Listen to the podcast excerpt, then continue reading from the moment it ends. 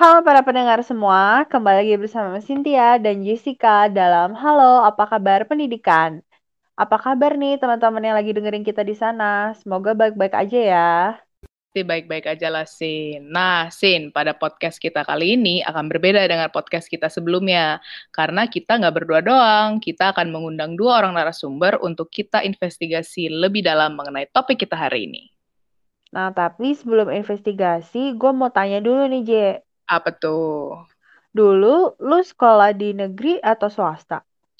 Dulu gue sekolah swasta, Sin, semuanya. Nah, jadi lu nggak pernah coba sekolah negeri ya? Enggak, tapi kalau untuk lomba-lomba doang sih pernah ya, tapi untuk sekolahnya itu gue nggak pernah. Emangnya kenapa, Je? Hmm, jadi tuh dulu lu pasti pernah denger deh, kayak ada desas-desus kalau misalnya lo masuk SMA negeri, kesempatan Mm-mm. lo untuk masuk perguruan tinggi negeri itu akan lebih besar, bener nggak? Pasti lu pernah denger deh. Nah, Mm-mm. nah jadi tuh gue pikir-pikir lagi. Gue kan mikir kayak dari TK sampai SMP gue swasta. Nah, gue takutnya gue culture shock aja gitu. Kayak gue kaget dengan keadaan yang baru gini. Jadi ya ending-endingnya gue sekolah swasta juga, SMA swasta.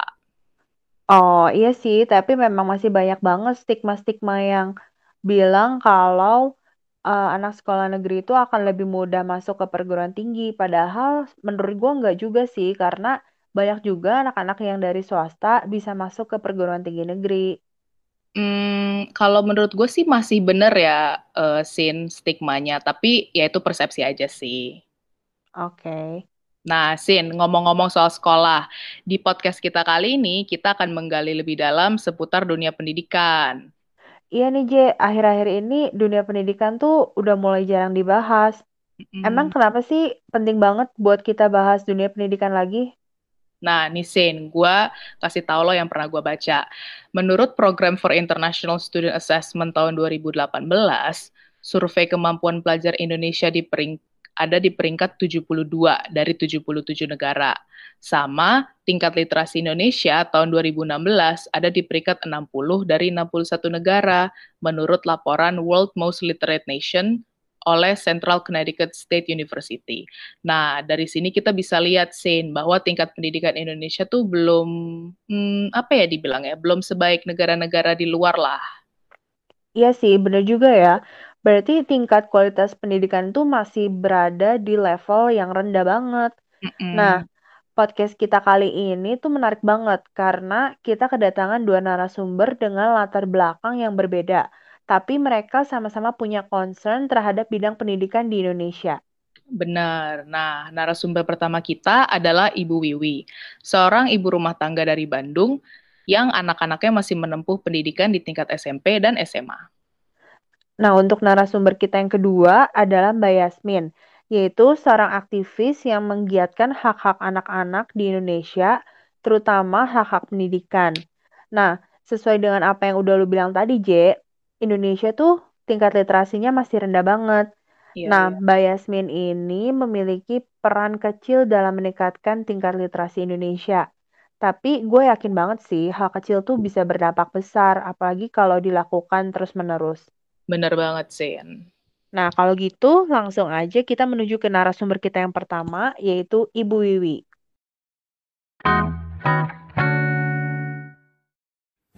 Oke, sekarang saya sedang bersama narasumber pertama kita, yaitu Ibu Wiwi.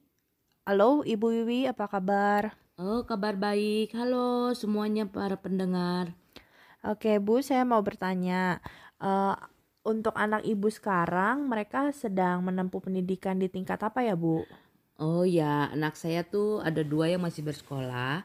Yang satu masih SMP swasta, satu lagi SMA swasta yang berada di Bandung.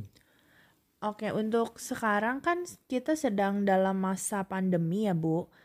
Apakah ada kesulitan belajar mengajar di masa pandemi ini? Eh, setahu saya tidak ya, karena anak-anak tetap eh, belajar seperti biasa secara online. Eh, apakah sekolah sudah cukup memberikan fasilitas untuk pengajaran online itu?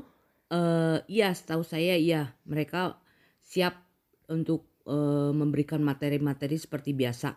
Berarti tidak ada kendala yang terlalu besar ya Bu ya? Iya, tidak ada. Nah, kalau menurut Ibu sendiri, kualitas pendidikan di Indonesia saat ini gimana sih Bu? Menurut saya di Indonesia ini uh, masih jauh tertinggal dibanding pendidikan di luar negeri.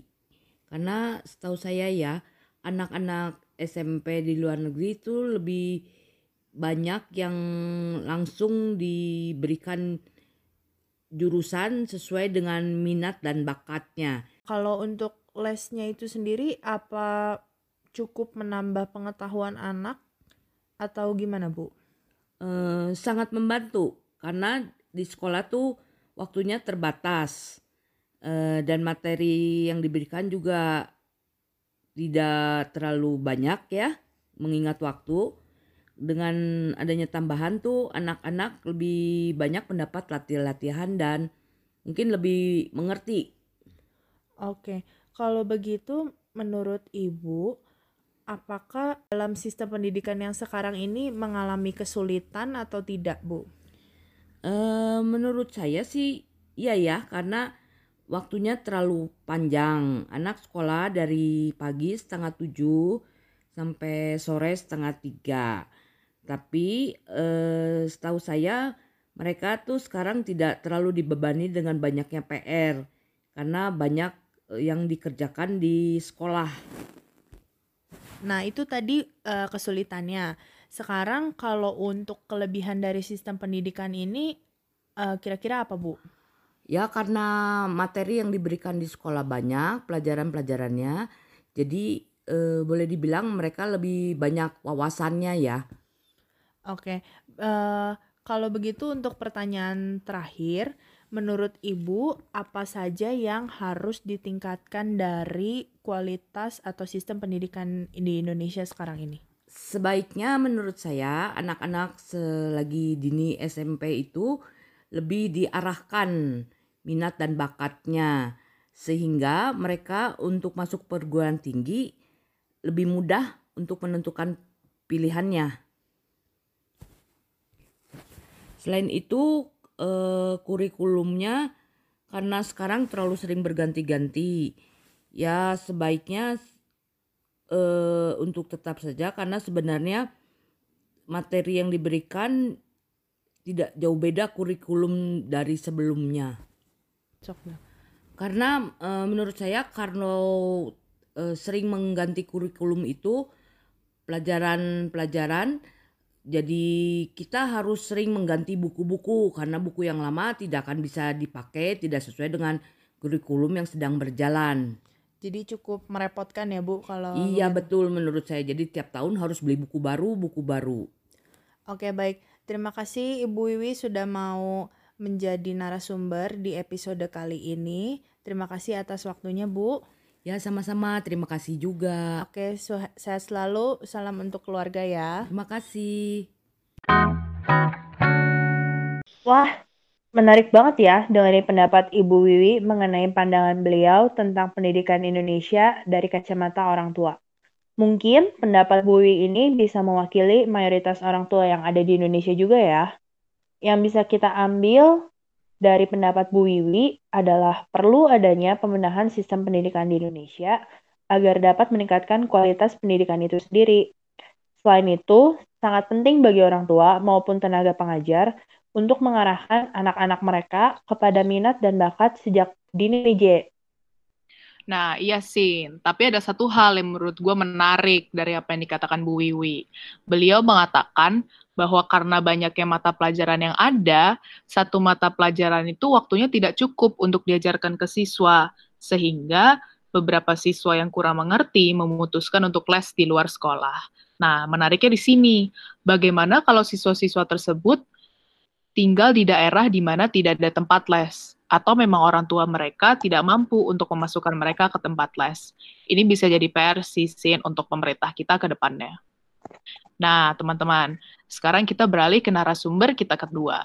Beliau merupakan seseorang yang memang bekerja di bidang pendidikan.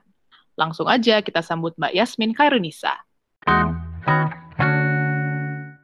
semuanya, sekarang kita bakal ngobrol sama narasumber kita berikutnya, Mbak Yasmin Kaironisa. Halo Mbak Yasmin, apa kabar? Halo Jessica Ruth, baik.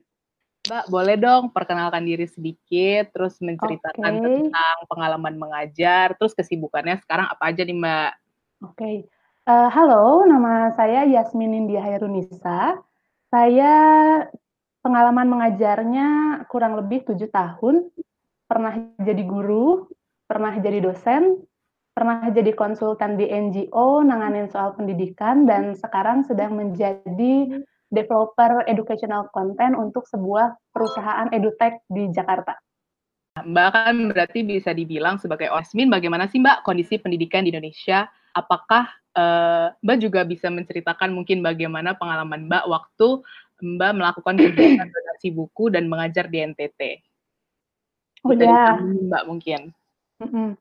Sebenarnya kalau kita bicara soal pendidikan di Indonesia itu luas banget ya, ada beberapa aspek gitu. Cuman di sini saya coba bagi deh jadi tiga biar gampang. Yang pertama, ketika bicara soal pendidikan, kita bicara soal kurikulum, bicara soal guru, dan juga bicara soal sarana prasarana.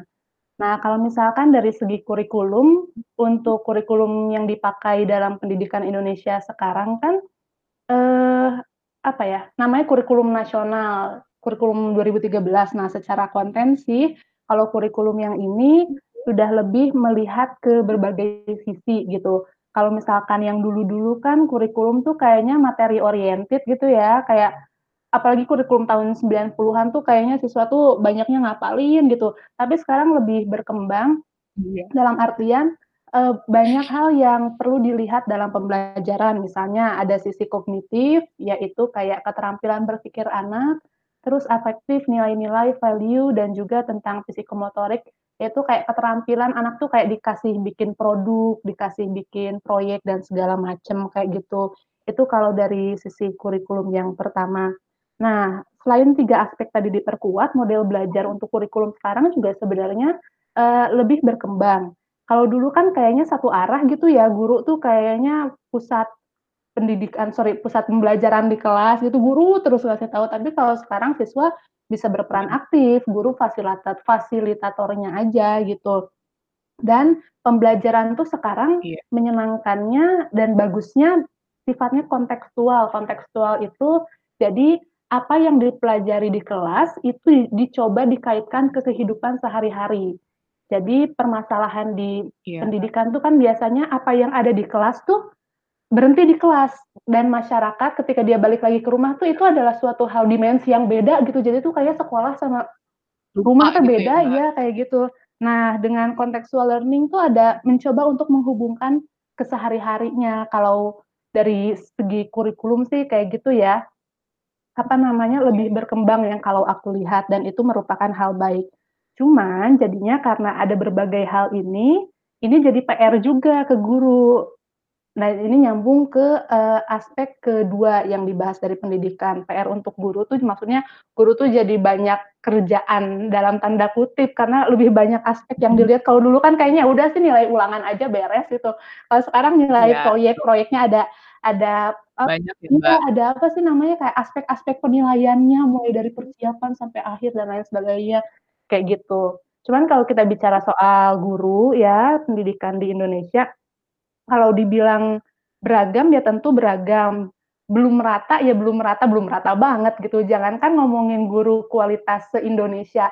Dalam satu kota aja kan bisa kelihatan ya timpang mana sekolah yang emang gurunya tuh oke, okay, atau gurunya yang cuma sekedar ngajar, terus ada ngasih-ngasih LKS kayak gitu Pernah nggak sih kayak dulu guru ngajar cuma ngasih LKS doang?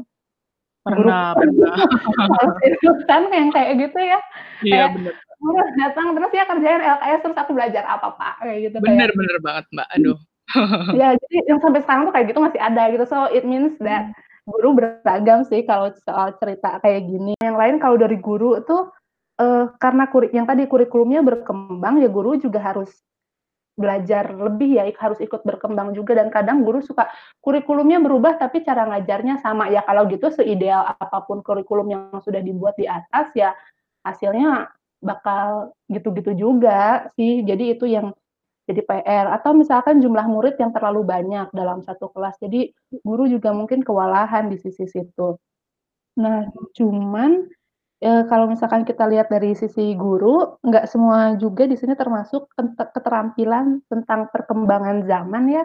Jadi ada guru yang mungkin udah high tech, tapi juga ada guru-guru yang uh, nggak terlalu ngerti soal teknologi gitu. Jadi ketika misalkan sekarang model-model harus belajar dari rumah, nggak semua guru ngeh juga gimana caranya kayak gitu. Itu untuk dari segi guru sih. Dan yang paling penting soal kesejahteraan. Kalau pendidikan di Indonesia bicara soal hmm. guru kesejahteraan tuh kayak aduh parah banget. Nggak bukan parah banget dalam artian gimana. Jadi sama Aku waktu itu 2018 pernah ngajar di NTT di Sumba. Terus guru-guru yang honorernya tuh digajinya per tiga bulan gitu. Jadi terus mereka kalau belum gajian mau makan apa? Terus Benar. dan setiap bulannya itu digajinya cuma 150 ribu. Tuh. Buat bayar SPP kamu juga nggak bisa itu mau gimana coba? Jadi intinya ya. kayak 150 ribu dikali tiga bulan ya 450 ribu gitu. Itu untuk guru uh, diperbayarnya 450 ribu per tiga bulan itu kayak yang kayak gitu sih itu uh, apa ya namanya sangat mengkhawatirkan bagian sisi itu gitu. bicara soal guru. Dan terakhir kalau bicara soal pendidikan Indonesia uh, tadi aku bilang sarana prasarana ya.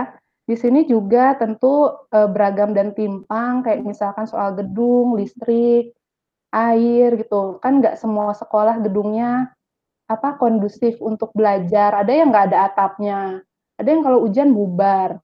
Dan masalah listrik itu bukan sekedar cuma masalah lampu, tapi di sini ada masalah tentang bagaimana siswa dan guru yang ada di sana jadi nggak bisa akses informasi, nggak bisa akses pengetahuan.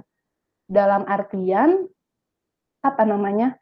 Uh, mereka kan butuh untuk belajar hal-hal baru gitu ya, nggak semua harus selalu bergantung betul, sama buku gitu. Dan mereka mau akses informasi gimana, listrik aja nggak bisa. Aku pernah ngajar uh, anak-anak kelas 6 bahasa Indonesia ceritanya, latihan buat UN. Terus mereka ada pertanyaan, uh, bagaimana langkah-langkah yang benar dalam mengoperasikan blender? Terus mereka nggak tahu blender itu apa.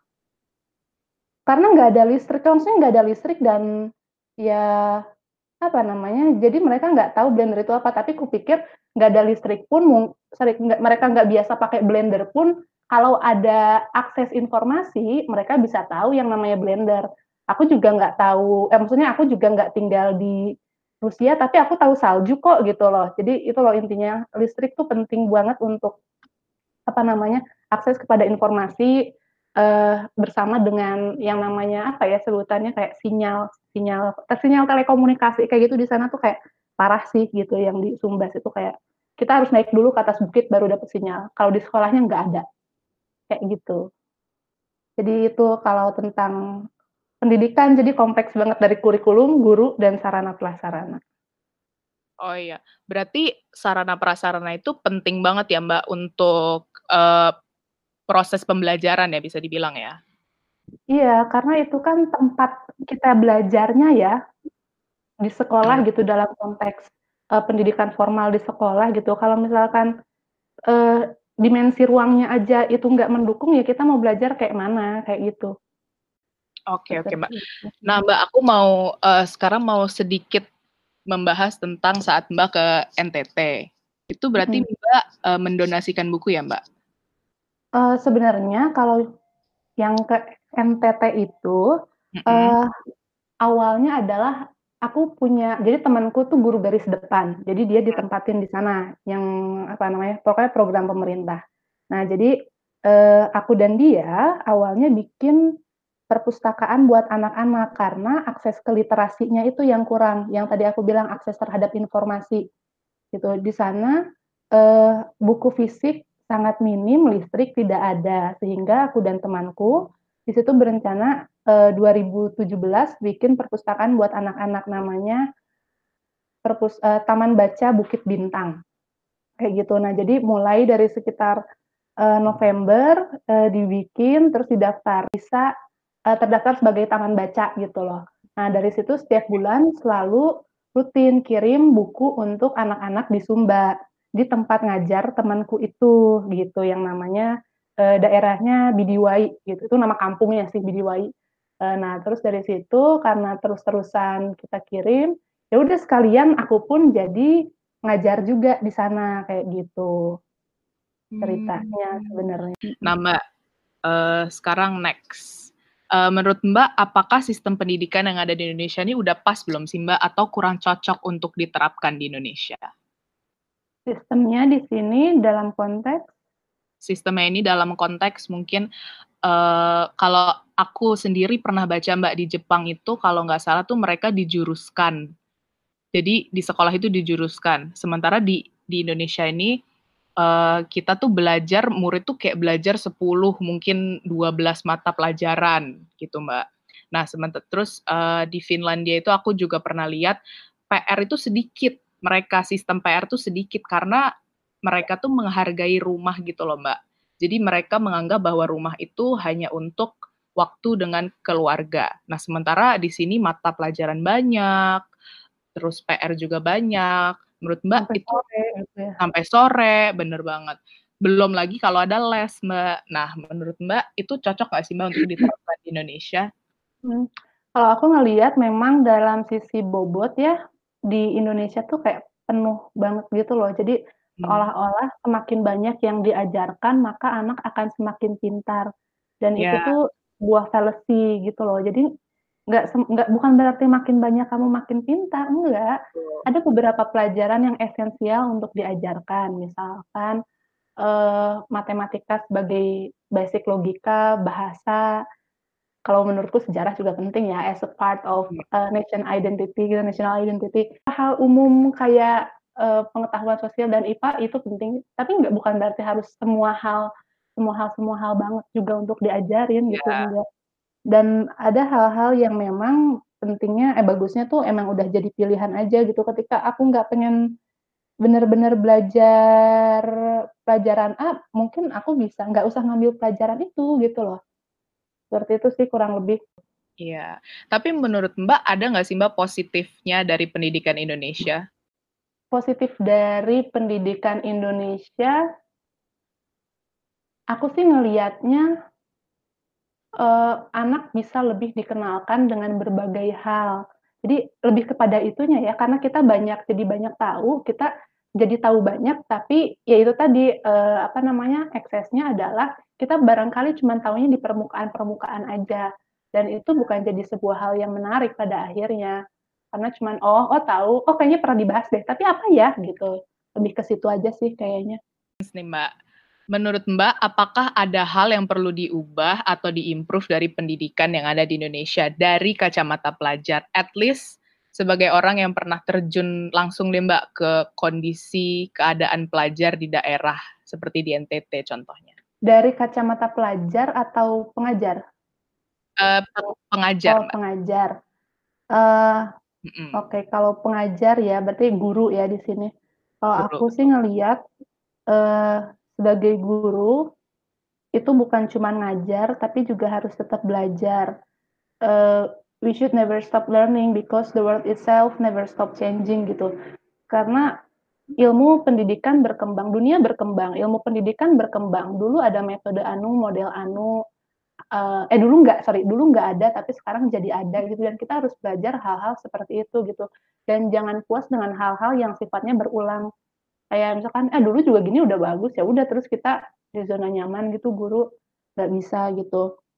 Terus uh, aku sih berpikir nah itu jadi itu karena itu pentingnya apa ya pentingnya jadi yang tadi sebagus-bagusnya kurikulum yang ada di atas ketika kita mempraktikannya itu enggak sesuai mak seenaknya gitu loh maka itu akan jadi seenaknya juga hasilnya gitu. So we should we should learn gitu tentang apa pun perubahan yang terjadi. Dan ini termasuk tentang teknologi improvement di mana uh, kalau teknologi apa ya perkembangan teknologi ini karena akan selalu ada gitu loh akan selalu ada jadi kita tuh jangan sampai ketinggalan zaman gitu loh. Karena nanti tuh semua akan berkembang. Teknologi dulu mungkin orang masih cukup pakai mesin infocus eh apa sih proyektor? Ya, nggak sih lu proyektor yang tahu, yang pakai siapa yang masih suka pakai maksudnya yang ditembakin yang warnanya kuning gitu loh yang pakai kertas OHP mungkin dulu cukup tapi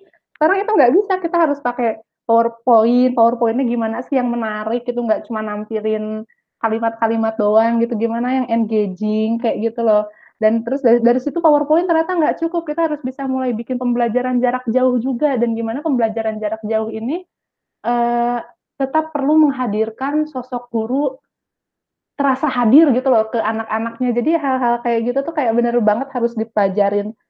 Uh, since sekarang aku kerjanya di edutech ya, jadi so aku belajar kayak gitu gimana caranya guru tuh hadir walaupun gurunya nggak di situ kayak gitu. Dan dan terutama lagi menurutku karena pendidikan itu bicara soal value, yang namanya guru, bagaimana guru bisa mendidik soal nilai value ketika guru itu sendiri tidak hidup dengan value tersebut gitu. Jadi uh, itu sih yang kupikir harus banget whether gurunya ngomongin soal pengetahuan, mbak ibu segala macam, tapi da, goal dari pendidikan mah pada akhirnya membentuk manusia supaya lebih bertanggung jawab, disiplin, dan jadi manusia yang kontributif terhadap masyarakat pada akhirnya gitu loh. Dan itu sebenarnya dari karakter personal siswa dan karakter personal siswa itu tergantung gurunya juga. So ya, yeah teacher must live with their values, something like that. Oke Mbak Yasmin, terima kasih banget udah meluangkan waktunya untuk ngobrol di podcast kita. Semoga Sama-sama. sukses selalu. Nah, dari obrolan kita tadi, kita jadi tahu Sin kalau kualitas guru, sarana prasarana dan kurikulum itu mempengaruhi banget kualitas pendidikan di Indonesia karena sama-sama menunjang proses pembelajaran. Karena dengan infrastruktur yang tidak mendukung, informasi itu jadi sulit untuk masuk dan akhirnya menghambat perkembangan pengetahuan anak-anak. Selain itu juga, kurikulum yang ada saat ini tuh tidak berfokus lagi kayak guru seperti zaman dulu, namun berfokus terhadap murid dan bagaimana murid mengembangkan pengetahuan tersebut. Benar banget, J. Terus gue mau apresiasi banget sih untuk Mbak Yasmin dengan gerakan Taman Baca Bukit Bintangnya di BDYI. Karena sama kayak yang gue bilang di awal, J, hal kecil kayak gini tuh bisa berdampak besar banget untuk ke depannya. Bisa aja nanti ada Mbak Yasmin-Mbak Yasmin lainnya yang ngelakuin hal sama di daerah Indonesia yang berbeda. Wah, semoga ya, Sin. Thank you guys udah dengerin pembicaraan kita seputar dunia pendidikan di Indonesia. Ya, semoga bisa membuka pikiran kita tentang banyak hal yang perlu diperhatikan supaya kualitas pendidikan di Indonesia tuh dapat meningkat. Nah, tapi peningkatan ini juga butuh kerjasama dari seluruh pihak, nggak hanya pemerintah, guru, orang tua, tapi pelajar sendiri juga harus mau berkolaborasi. Nah, kalau menurut kalian gimana?